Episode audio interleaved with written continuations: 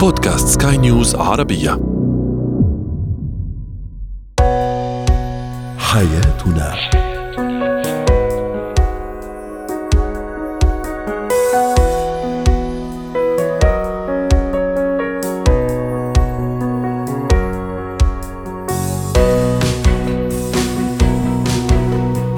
مستمعينا الكرام أهلا بكم معنا إلى حياتنا. فضاؤكم اليومي الذي يعنى بشؤون الأسرة وباقي الشؤون الحياتية الأخرى والذي يمكنكم الاستماع إليه عبر منصة سكاي نيوز dot com dot com slash podcast وباقي منصات سكاي نيوز العربية الأخرى. شاركونا عبر رقم الواتساب 00971 561 معي أنا أمال شاب. اليوم نتحدث عن البخل العاطفي عند الشريك. ما هي أسبابه؟ وهل من حلول؟ علاقة الطفل بحيوانه الأليف وأخيرا اتيكيت تناول المثلجات.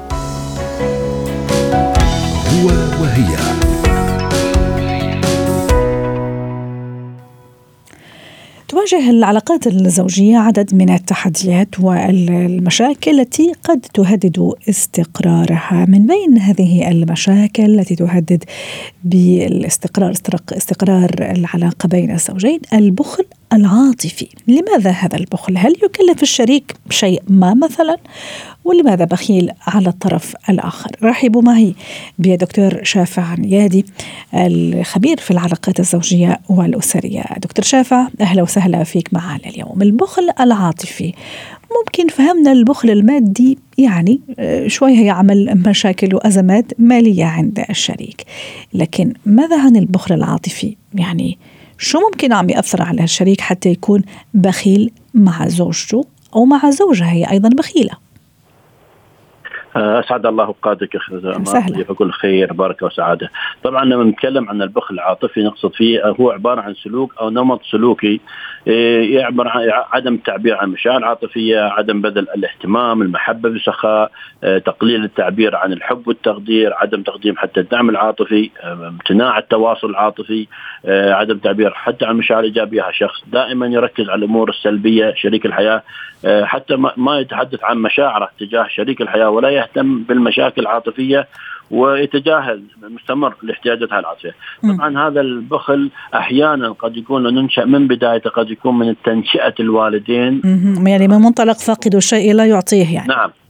أكيد. فاحيانا تنشات الوالد دائما نحن حتى الوالدين آه، عودوا أعطوا أبنائكم من الحب والحنان والعاطفة لأن هذه ثمرة تبذر معهم ثانيا ولكن ليس معنى هذا أنه لا يستطيع أن يكتسب المهارات العاطفية يستطيع فليست حجة. وقد يكون عدم الثقة بالنفس لهذا الشخص ما بين الزوجين وهو ما يمنعها أو يمنعها هي حتى عن التعبير عن هذه المشاعر. وقد يكون أحيانا بسبب خوف جرح قديم أو جرح عاطفي لهذا الشريك الحياة ويحاول أن يحمي نفسه. أنا ما أريد أتكلم بمشاعر عاطفية أخاف أن يكون في رد سلبي وأريد أن أحمي نفسي. نعم. وقد يكون أحيانا استعمال الزوج أو الرجل قد يكون عاطفي لكن أسلوبه أسلوب التعبير عن هذه العاطفة بالفعل بالعمل.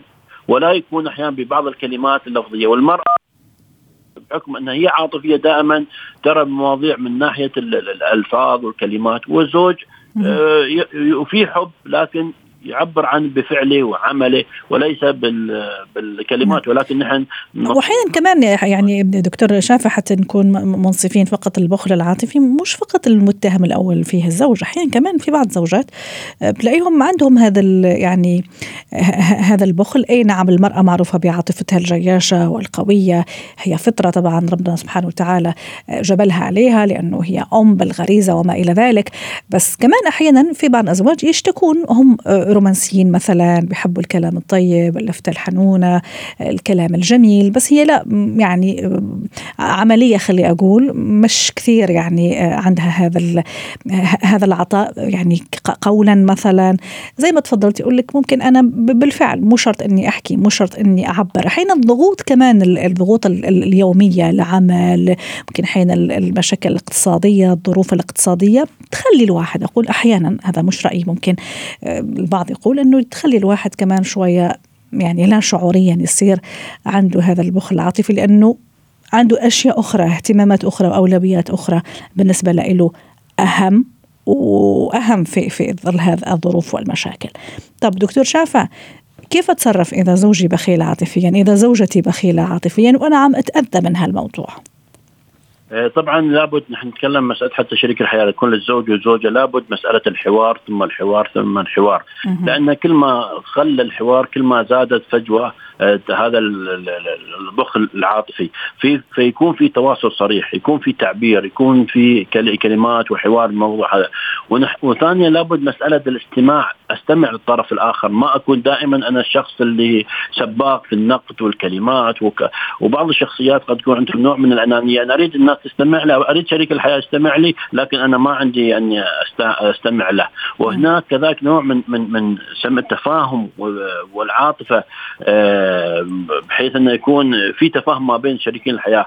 ولا ننسى عملية الاحترام والاهتمام والتقدير كثير من بعض الشركاء الحياة أمال منظرة موضوع الاهتمام آخر شيء يمكن يفكر فيه أو تفكر فيه. هي من باب أن هذا أمر ثانوي نحن نقول ليس بالأمر الثانوي آه وحتى الاحترام مع الاحترام والتقدير ما بين الزوجين. أنا أستغرب من بعض الشخصيات سواء شريك الحياة الزوج أو الزوجه في قمة الاحترام والاهتمام للخارج. لكن ما أن تصل يصل أو تصل إلى البيت شريك الحياة يختفي هذا الاحترام يختفي هذا التقدير يختفي هذا الاهتمام. مشان هيك موضوع مصارحه الشريك سامحني دكتور نعم. شافع مصارحته أو مصارحتها بالامر أحيانا إحنا نتوقع أنه شريكي زوجتي أو زوجي هو عارف بالموضوع فيعني خلص مفروض أنه هو يبادر المفروض أنه هو يعني يكون حنون عطوف يغدق علي بالكلام الجميل بالمشاعر الحلوة وهي كمان مفروض هي عارفة فما يحتاج أني أخبرها.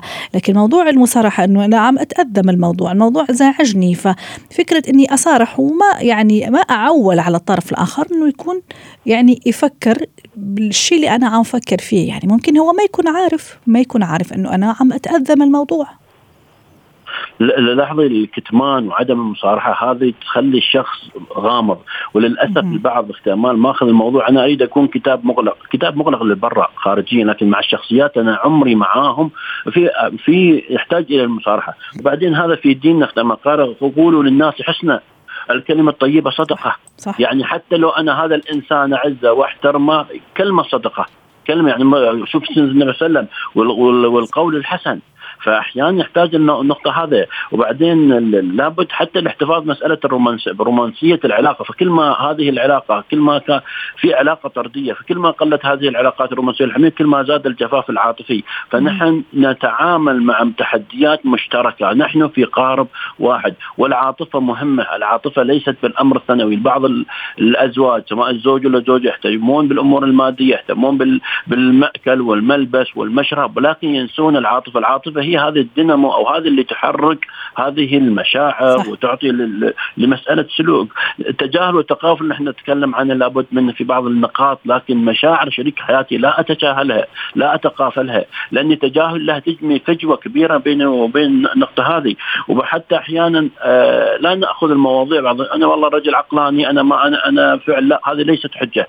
الرسول صلى الله عليه وسلم لما قال الكلمة طيبه الكلمة الطيبة صدقة ما قال والله للمرأة ولا للرجل هي كلمة طيبة المفروض تكون تبدر في هذا نعم ولا ننتظر من بعض الأزواج حتى مسألة الاستعجال هذا واستعجال في التغيير ونركز على إيجابيات شريك الحياة وبإذن الله الحياة تراها مع العاطفة حلوة، الحياة مع صحيح. مع هذه تبادل المشاعر الحب تعطيكم قوة وإرادة ومناعة حتى من ناحية الصحة الجسدية والصحة النفسية. شكرا لك دكتور شافع عنيادي الخبير في العلاقات الزوجية والأسرية ضيف العزيز وأتمنى لك أوقات سعيدة.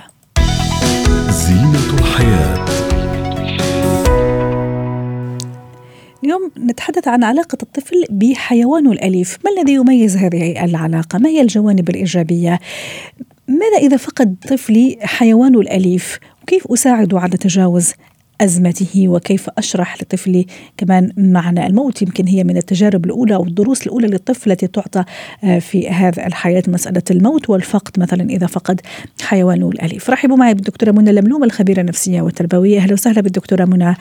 آه، شو ممكن نقول على علاقة الطفل الطفل الصغير بحيوانه الأليف. أحيانا في أطفال كذا تحسيهم من أول يعني السنوات الأولى فعلا عنده هذا الحب يحب الحيوانات الأليفة. ممكن حتى يصر على ماما على بابا أنه يجيب له حيوان أليف في البيت.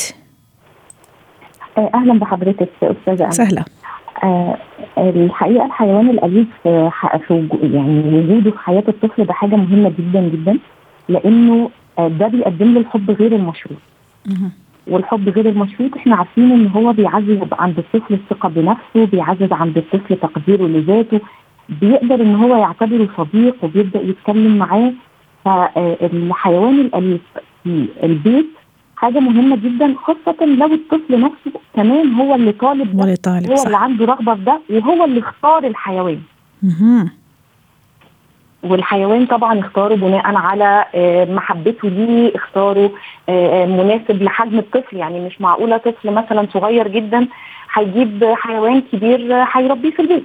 يعني وحتى مثلا إذا اخترنا نوع من الكلاب مثلا هيربيه فأكيد لما هيختار هيختار النوع اللي هيقدر إن هو يتعامل معاه في السن الصغير ده. جميل. طبعا ونأكد دكتورة منى فقط للتنبيه أنه أكيد تطعيماته نظافته هذا الشيء كثير طبعا. كثير كثير ضروري ونتأكد أنه الطفل كمان ما عنده أي حساسية ما عنده أي مشكلة لأنه ممكن الطفل عنده حساسية حنا مش عارفين فيجي كمان هذا الحيوان ممكن يأزم الموضوع. إذا الأمور كلها تمام وإذا هو طلب مني شيء رائع وجميل وزي ما تفضلتي حضرتك أنه يعزز مبدأ الحب غير المشروط. شو ممكن كمان هالعلاقة تميزها شو ممكن نقول على هذا العلاقة؟ من ناحية تربوية من ناحية النفسية أيضا. آه هو خليني برضو أضيف لكلام حضرتك الجميل إنه ما يكونش كمان أي حد من أفراد الأسرة عنده مشاكل في المناعة أو آه أو حساسية يعني. هيكون في الجزئية دي طبعا بس الطفل لكن كمان الأسرة. تربية الحيوان الاليف ده هتساعده نفسيا إزاي؟ هتقلل عند الطفل التوتر. آه لأنه آه أنا عندي صديق أنا بعرف أعبر. أنا لو هعيط هعيط وهلاقي الحيوان الأليف ده جاي مهتم بيا وبيبص لي وبيحضني آه وطبعا بنشوف ده فيديوهات جميلة جدا تفاعلية ما بين الحيوان الأليف وما بين الطفل أو حتى الكبير. اللي لما بيشوفه متوتر أو زعلان بيتعامل معاه. صح. وحتى دراسات اوصت أيضا بخاصة أطفال مصابين بالتوحد تحديدا الخيل كثير كثير مفيد وضروري يعني يكون عنده خيل كثير ضروري وبشكل عام طبعا الحيوان بالنسبة للمصابين أطفال التوحد. جميل جدا. وكمان بينمي عندي آه التعاطف والرحمة. صح. دي صفات إنسانية مهمة جدا. جميلة. أنا لما يكون عندي ابن وبشوفه إزاي بيتعامل مع الحيوان لما الحيوان بتاعه يبقى تعبان يبقى مخضوض وطب هنعمل إيه؟ لا إحنا لازم هنوديه للدكتور وهنعمل معاه كذا كذا كذا كذا. الحيوان بتاعي زعلان أو متضايق آه لا ما هو عشان هو روح هو محتاج إنه يخرج محتاج إن هو آه يتفسح. إحنا الكلاب متعودين كل الناس إن هي بتاخد الكلب تفسحه. فلازم برضو وأنا بختار الحيوان اكون أنا عندي القدرة على اني اخلي الحيوان كمان سعيد وهو معايا في البيت. آه بيحمل بيساعد الطفل يتحمل المسؤولية. آه صحيح هو عمره ما هيقدر يتحمل مسؤولية الحيوان بالكامل قبل ما يتم 10 سنين ولكن أنا هبقى بساعده. أنا كأم أو كأب بعرف ان أنا اتعامل معاه. فباجي ابني مثلا طيب إحنا المفروض التويلت بتاع الحيوان ده بيعمله بالطريقة الفلانية فإحنا لازم نوفر كذا. طيب الأكل بتاعه المفروض إنه بياكل كذا مواعيد الأكل بتاعته كذا. المفروض إن هو بيخرج فعندنا جدول للخروجات. النظافة الشخصية بتاعت الحيوان. أنا كأم بقول لابني أنت عليك كذا وأنا بساعدك فيه. أو أنت عليك كذا وأنا عليا كذا. وهو شوية بشوية مع تعلقه الشديد بالحيوان هو هيبقى عايز يتحمل المسؤولية بتاعت الحيوان بالكامل لأن هو حاسس إن هو آه يخصه هو. جميل. وكمان مثل ما أشرت يعني إحنا نحكي على الإيجابيات بناء صلة بين الطفل والطبيعة احترام الطفل كمان للكائنات الحية الأخرى ويعرف إنه في أكثر من كائن حي على على هذا الأرض اللي هي كمان الحيوانات النبات أيضا يعني يتعرف على الطبيعة بنطاقها الأوسع والأشمل. لكن أحيانا قد يفقد الطفل هذا الحيوان الأليف يمرض الحيوان يعني يموت. والطفل مش متقبل خاصة في سن معينة مش عارف إنه في فكرة مثلا موت وفي فكرة حياة ولازم خلص مرض الحيوان ومات يعني. كيف أجهزه؟ كيف أهيئه لهذا المرحلة؟ وكيف أساعده أنه يتجاوزها أيضا؟ آه في ناس بتتخيل إنها المفروض في حالة زي كده إنها تخبي على الطفل أو إنها تكذب. وده غلط جدا. أنا لازم أكون صريح مع الطفل وأحترمه وأحترم مشاعره. وأقول له الحقيقة. وزي بعد كده أكون عندي بقى أنا استعداد لتقبل رد فعله اللي هو ممكن ما يختلف من طفل لطفل. ممكن طفل يغضب ويثور ويزعق ويعيط عياط جامد جدا واسيبه يعبر عن الشحنة اللي جواه دي. بعد شوية أنا بقى بحضنه وببدأ إن أنا أتكلم معاه. ببدأ أقول له طب شايف إحنا ممكن نعمل إيه؟ آه نرسم صورة آه نعمل برواز نعمل ألبوم صور لكل الصور اللي كان فيها معانا. مهم قوي إني أكون صريحة معاه وصادقة وأحترم مشاعره. وبعد ما يعبر عن المشاعر دي بكل الشحنة الداخلية اللي جواه نبدأ نشوف أنت حابب نعمل إيه مع بعض. وأسمع منه. ممكن اقتناء حيوان آخر؟ بشكل سهل آه طبعا ممكن اقتناء حيوان آخر لكن هو مش علشان ده هيكون بديل لده لأنه في أحيانا الصورة دي بت... يعني بتزعج الطفل إنه لا بس أنا الحيوان بتاعي ده غالي عندي جدا والثاني ده مش هيبقى بديل. لا هي الفكرة مش إن ده بديل لده ولكن إحنا آه بنرعى حيوان تاني لإنه وخليني برضو أكد مع حضرتك على حتة مهمة قوي. لما نتبنى حيوان أو نربي حيوان ما ينفعش بعد شوية نكتشف إن إحنا مش قد المسؤولية فنسربه لأن حضرتك بتشوفي ده وبتشوفي قد إيه الحيوان بيكون متأزم. فهرجع تاني للنقطة بتاعت إنه إذا الحيوان مات أكون بحترم الطفل وبحترم مشاعره وأجيب حيوان آخر آه ولكن مش فكرة إنه بديل سريعا جدا هحكي لحضرتك موقف حصل معايا في إحدى زياراتي يعني الخارجية. والحقيقة كان في طفل مراهق. في بداية المراهقة فقد حيوانه الأليف وكان كلب وكان متعلق بيه بتعلق شديد جدا. الأم والأب عملوا فكرة أنا أراها فكرة عبقرية. جعلوا الطفل ده يبقى جليس للحيوانات وبياخدهم بيفسحهم. أنا قلت لهم أنتوا عملتوا ميزتين اولا إن أنتوا ساعدتوه إنه يتجاوز المحنة دي إنه يتعلق بحيوانات أخرى كتير بدل ما يبقى حيوان واحد. وكمان كان بياخد مقابل مادي فبقى أصبح إن الطفل الصغير ده عمل بيزنس ده بدا نشوفه في بعض الدول دلوقتي إنه في أطفال مراهقين بياخدوا الحيوانات يفسحوها اللي اصحابها ما عندهمش الوقت ده فأنا قد إيه كنت مبسوطة جدا بالفكرة اللي تنفذوها دي. طبعا وأكيد نرجع ناكد إنه نكون نتاكد من سلامة هذا الحيوان مش مريض حتى ما ينقلنا أمراض تطعيمات يعني هذا شيء ضروري ولا بد منه. شكرا لك دكتورة منى أسعدتيني اليوم وككل يوم طبعا وأتمنى لك أوقات سعيدة وجميلة.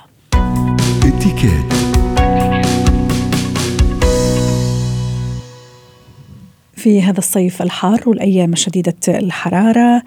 أكيد يعني ما راح يبرد ويثلج صدورنا إلا يعني مثلجات وبوظه باردة، لكن أكيد لا هذا البوظه والمثلجات اتكاد في تناولها خاصة مع الصيف الحار. تفاديا لأي مواقف ممكن مش لطيفة. أو محرجة. رحبوا معي بالدكتوره سلوى عفيفي خبيرة الاتيكات والبروتوكول الدولي. أهلا وسهلا فيك اليوم معنا وحلقة وموضوع منعش يعني كانتعاش المثلجات اللي راح نحكي عنها اليوم. كيف نتناولها بطريقة لبقة وجميلة؟ حين كمان الصغار يجيبوا العيد لما يتناولوا المثلجات. يسعد أوقاتك وفعلا هو يعني حديث الساعة ويمكن في ناس كل يوم بتاكل الايس كريم وفي ناس بتاكل الايس كريم كمان أو المثلجات حتى في الشتاء يعني. يمكن بعض الدول مشهورة. أنا ما أنا ما أقدر صراحة يعني أنا على طول يعني. طبعا انت صوتك رأس مال يعني لازم تحافظي عليه طبعا. طيب عموما الايس كريم خلينا نقول إن هو ليه اداب طبعا وليه إتيكيت لأنه قواعد الإتيكيت بتعفينا من المواقف المحرجة. صح. وخلينا نقول إنه كمان في خارج المنزل وداخل المنزل يؤكل بطرق مختلفة وهو أنواع مختلفة. جميل. نستعرض الأنواع. المثلجات ممكن تكون مثلا اللي هي في كأس أو كوب حتى كوب ورقي أو توضع في كأس مثلا وهذه أكيد تؤكل بالملعقة المخصصة للآيس كريم وهي بتكون مسطحة نوعا ما أكثر من الملعقة بتاعت الشاي العادية جميل. آه في نوع آخر بيكون مع رقائق البسكوت أو اللي هي زي الوافلز اللي هي بتكون على شكل مخروطي أو على شكل المثلث يعني أو القمة ودي بيوضع فيها الآيس كريم وهو بيكون سريع الذوبان صح. لذلك لابد أن تؤكل بسرعة وعادة يمكن وإحنا بنتمشى في الأسواق والمولز في ناس كتير بتحب إنها تقف عند محلات معينة وتشتري منها. صح. آه لو هنقول الإتيكيت فهي المفروض أيضا إنها تؤكل بالملعقة أو على الأقل يكون معانا ملعقة. آه ونتجنب إنه مثلا عارفة آه يعني نأخذ قطع بالملعقة أو حتى قطعه بالفم مباشرة. ولكن ليس بإخراج اللسان. يعني عارفة طبعا انت فاهمة قصدي إيه. الناس بتحب تقعد تستمتع بطريقة أكلها. لا المفروض إن إحنا نحاسب على كده.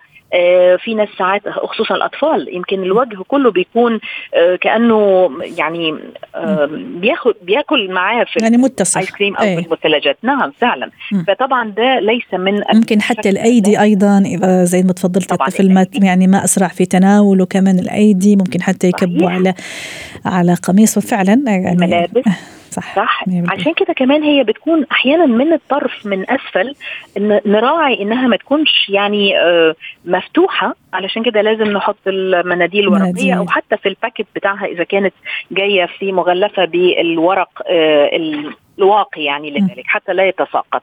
في عندنا مثلا نوع كمان اللي هو ال mini. ال mini صغير بيكون في stick أو في عصا خشبية. أيوة. وده يمكن أن يؤكل على قطمة واحدة أو قطمتين آه، أحيانا بيكون كمان أكبر الحجم أكبر فبرضه يراعى إنه لازم يكون في مناديل ورقية أو يكون في آه، ال packet بتاعها أو اللي هو الورق بتاعها. في نوع تاني مشهور معروف اللي هو الساندويتش. ساندويتش يعني بيكون على الطرفين من أعلى ومن أسفل بيكون فيه زي نوع البسكوت م. ومن الداخل بيكون بالايس كريم يعني أو المثلجات م. هنا يفضل إن هو يؤكل في صحن آه، ويعامل معاملة آه، عارفة الحلوى اللي هي الملفي آه، نستخدم هنا الملعقة بالملعقة والشوكة بنحطهم في ظهر بعض متقابلتين بالعكس ونقطع ونأكل بالملعقة. في أيضا نوع كمان اللي هو بيكون مع الكيك تورتة أيوه. أنا هذا هذا النوع المفضل. هو هذا النوع المثلجات اللي أحبه اللي هو يكون مع الفوندون يعني ال chocolate fondant صح؟ اللي تيجي آه، كذا السايحه ممكن يكون مع ال chocolate fondant اللي هي الشوكليت يعني غير مستوية للآخر بتكون سايحة شوية أو آه، سائلة شوية أو إن هو بيكون في قاع الآيس كريم كتورتة أو ككيكة ودي غالبا لازم تؤكل يا إما في المطاعم يا إما داخل المنازل أو تقدم للضيوف. آه. طيب كيف نأكلها؟ إذا كان الآيس كريم أو المثلجات تحتوي على كيك تخيلي إن هو يؤكل بالشوكة ده الإتيكيت بتاعه المفروض. الناس هتستغرب إزاي أكل الايس كريم بالشوكه المفروض بيكون غير دائب يعني بيكون متماسك نوعا ما لقطع لتسهيل قطع الكيك. ف وممكن انه يكون في ملعقة آه، نسند بيها وإذا قدم إلي يعني مثلا لو أنا زرت شخص وقدموا لي إياها بالملعقة طبعا حاكلها بالملعقة مش هطلب إن هي تقدم أو إن أنا أكلها بالشوكة ولكن أنا بقول على قواعد الإتيكيت والأصول فيها. والأصول آه كمان؟ يعني تخليني أروح موضوع البائع. أحيانا نشوف مثلا طابور كثير وشخص أو اثنين مثلا مش عارفين أصلا شو شو شو راح يطلبوا فممكن الأنواع. أيوه آه. الأنواع. خلي أجرب هذه لا أجرب آه. هذه. اي نعم ممكن الواحد يجرب ممكن آه وايش يعني آه مثلا شوكليت أو فانيلا بس مش لدرجة آه. ممكن نعطل كمان الناس اللي ورانا. هذا كثير اتصور يعني تتكرر نشوفها ست سلوى طبعا لأنه من مبادئ الاتيكيت إن إحنا نراعي مشاعر الآخرين يعني حتى البائع. okay دوقني قطعة قطعتين خلينا نقول الأشياء اللي هي جديدة عليا مثلا لا أعرفها. أكيد كلنا عارفين الفانيلا عارفين الشوكليت عارفين المانجا. يعني الأشياء الغريبة لو هو عنده حاجة مخصوص مثلا مم. مشهور بيها وأنا محتاجة أجربها okay طب ممكن تدوقني كذا. نوع نوعين على الأكثر وآخد قراري وأطلب الطلب بتاعي. كمان عايزة أقول على نقطة مهمة إذا كنا نتمشى في الأسواق لا يجب طبعا ابدا إن إحنا ندخل المحلات محلات الملابس أو محلات ايا كانت المحلات نخلص ما لدينا من آه، المثلجات أو الأكل أو كذا ننظف إيدينا وبعد كده ندخل على المحل. حتى الشكل غير لائق يعني. فكل مقام من مقام صح وخاصة أطفالنا كمان. ممكن إحنا نقول لا صغار عادي بس لا يعني من الصغر نعلمهم هذا المبادئ حتى فعلا يكبروا عليها في الاتيكيت شكرا لك دكتورة سلوى أسعدتيني اليوم وأتمنى لك أوقات سعيدة ويوم منعش.